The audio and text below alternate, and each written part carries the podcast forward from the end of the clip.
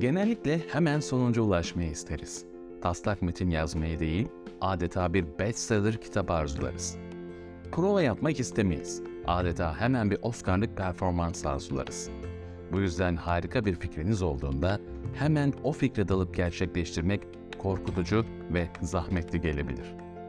Mükemmel olmayacağı düşüncesiyle tam da hayal ettiğiniz içeriği yazmamak, videoyu çekmemek veya dijital ürünü hayata geçirmemek bir taviz gibi görünebilir.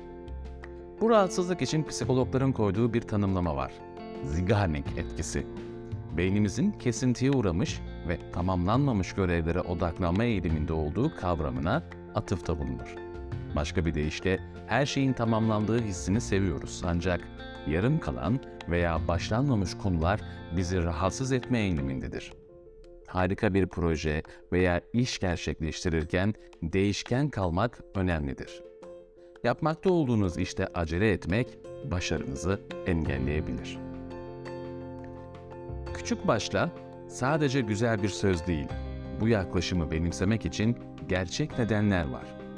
Özellikle bir hayale, hedefe ulaşırken. İlk önce bazı alarmları ve dikkat dağıtıcıları önceden sınırlandırmazsanız hızlı bir şekilde hedeften sapma tuzağına düşebilirsiniz. Hedeften sapma hafife alınmamalıdır. Tabii ki zaman da önemli bir kaynak. Karmaşıklık ve zaman kol kola gider. Dolayısıyla yapılacak iş listesine ne kadar çok madde, adım eklerseniz başarıya ulaşmak o kadar uzun sürer. Farkında olmadan hedef tarihinden aylarca ötede kalabilirsiniz. Küçük ve basit bir başlangıcın ihmal edilmesi de kullanıcı deneyimi için kötü sonuçlar olabilir.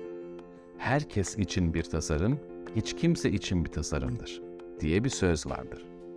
İşinizin, uygulamanızın tonlarca özellikle ilgi çekici hale getirilmeye çalışılması, kimlere hizmet edeceği konusunda varsayımlar veya kesin olmayan bir fikir üzerine inşa edilirse iritilecektir. Yani devasa bir özellik listesiyle hızlıca ilerlemeden önce bunun kullanıcılarınız üzerindeki etkisini bir düşünün. Çok detaylı ve çok hızlı olmanın açık dezavantajları var. Neyse ki başka bir yol da var. Hedeften sapma ve aşırı karmaşıklığı önlemek için yenilemeli bir yaklaşım benimsemek önemlidir.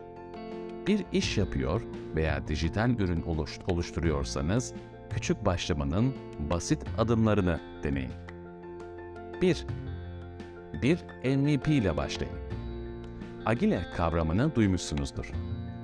Son zamanlarda bu konuda bazı yazılar okuyarak bilgilerimi tazelemek ve güncel tutmak istiyorum. Agile yani daha Türkçe bir tanımlamam yapmam gerekirse çevik diyebilirim. Minimum uygulanabilir ürün yani minimally viable product ile başlama kavramını uzun süredir benimsedim. MVP bir fikrin en basit fonksiyonel versiyonudur. Bir fikirle ilgili bir çizimden daha fazlası ama son üründen daha azıdır. İyi bir MVP kullanım için yeterince geliştirilmelidir. Örneğin bir araba yapmak isteseydiniz MVP'niz bir kaykay veya bisiklet olabilir. Ancak arabanın gövdesi veya bir takım lastikler değil. Elbette bir kaykay bir araba kadar gelişmiş değil ancak arabadan farklı olarak A noktasından B noktasına ulaşabilmenizi de sağlayabilir. Bir blog yazmak isteseydiniz en iyi bilgisayara sahip olmanız gerekmez. En başta bir kalem ve bir kağıt yeterlidir.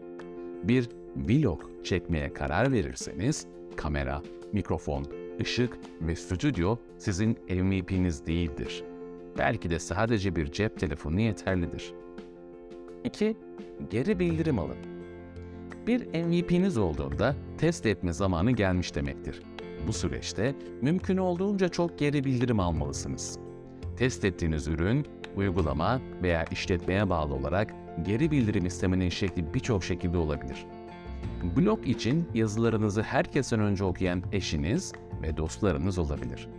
Vlog için de yine aynı şekilde size sağlıklı ve faydalı hatta yeri geldiğinde acımasız ama nihayetinde verimli geri bildirimler almalısınız. Geri bildirim almak, varsayımlarınızı doğrulamak ve ürününüzün gelişimini etkileyebilecek yeni bilgileri ortaya çıkarmak için önemlidir. hayal bile edemeyeceğiniz fikirler ve fırsatlar ortaya çıkabilir. En kötü senaryoda fikrinizin kullanıcılar için önemli veya belirleyici bir sorunu çözmediğini keşfedeceksiniz. Unutmayın, MVP ile başarısız olmak, daha şık bir ürüne çok zaman ve para harcamaktan daha ucuzdur. 3. İyileştirme yapın. Geri bildirim topladıktan sonra projenizi iyileştirme zamanı geldi demektir. Belki kullanıcılarınız bisikletinizi onayladı ve daha çok scooter gibi bir şeyi andıran bir araçla ilgilendiler. Şimdi kullanıcıların ihtiyaçlarına özgü olarak inşa ettiğinizden emin olarak özellikler ekleyebilirsiniz. Önceki adımda aldığınız geri bildirim, MVP'nizi yenilemek için gerekli olan enerjiyi, finansmanı ve takım üyelerini edinmek için çok değerli olacaktır. 4. Tekrarlayın. Son projenize varmak için gerekli yolculuk genellikle sadece bir iyileştirmeden sonra bitmez. Döngüyü sürdürmelisiniz. Değişiklikler yapın. Dostlarınızdan, çevrenizden daha fazla geri bildirim alın. İyi çalışan ve daha iyi olabilecek şeyleri belirleyin. İyileştirme yapın, sonra tekrarlayın. Harika ürünler zaman içinde birçok küçük değişiklikle şekillenir. Amazon ve Instagram gibi en başarılı uygulamalar ve başlangıçlar yıllar içinde birçok küçük değişiklikle bugünkü haline geldi. Kullanıcılarınızı önemsiyorsanız iyileştirmeler asla bitmemelidir.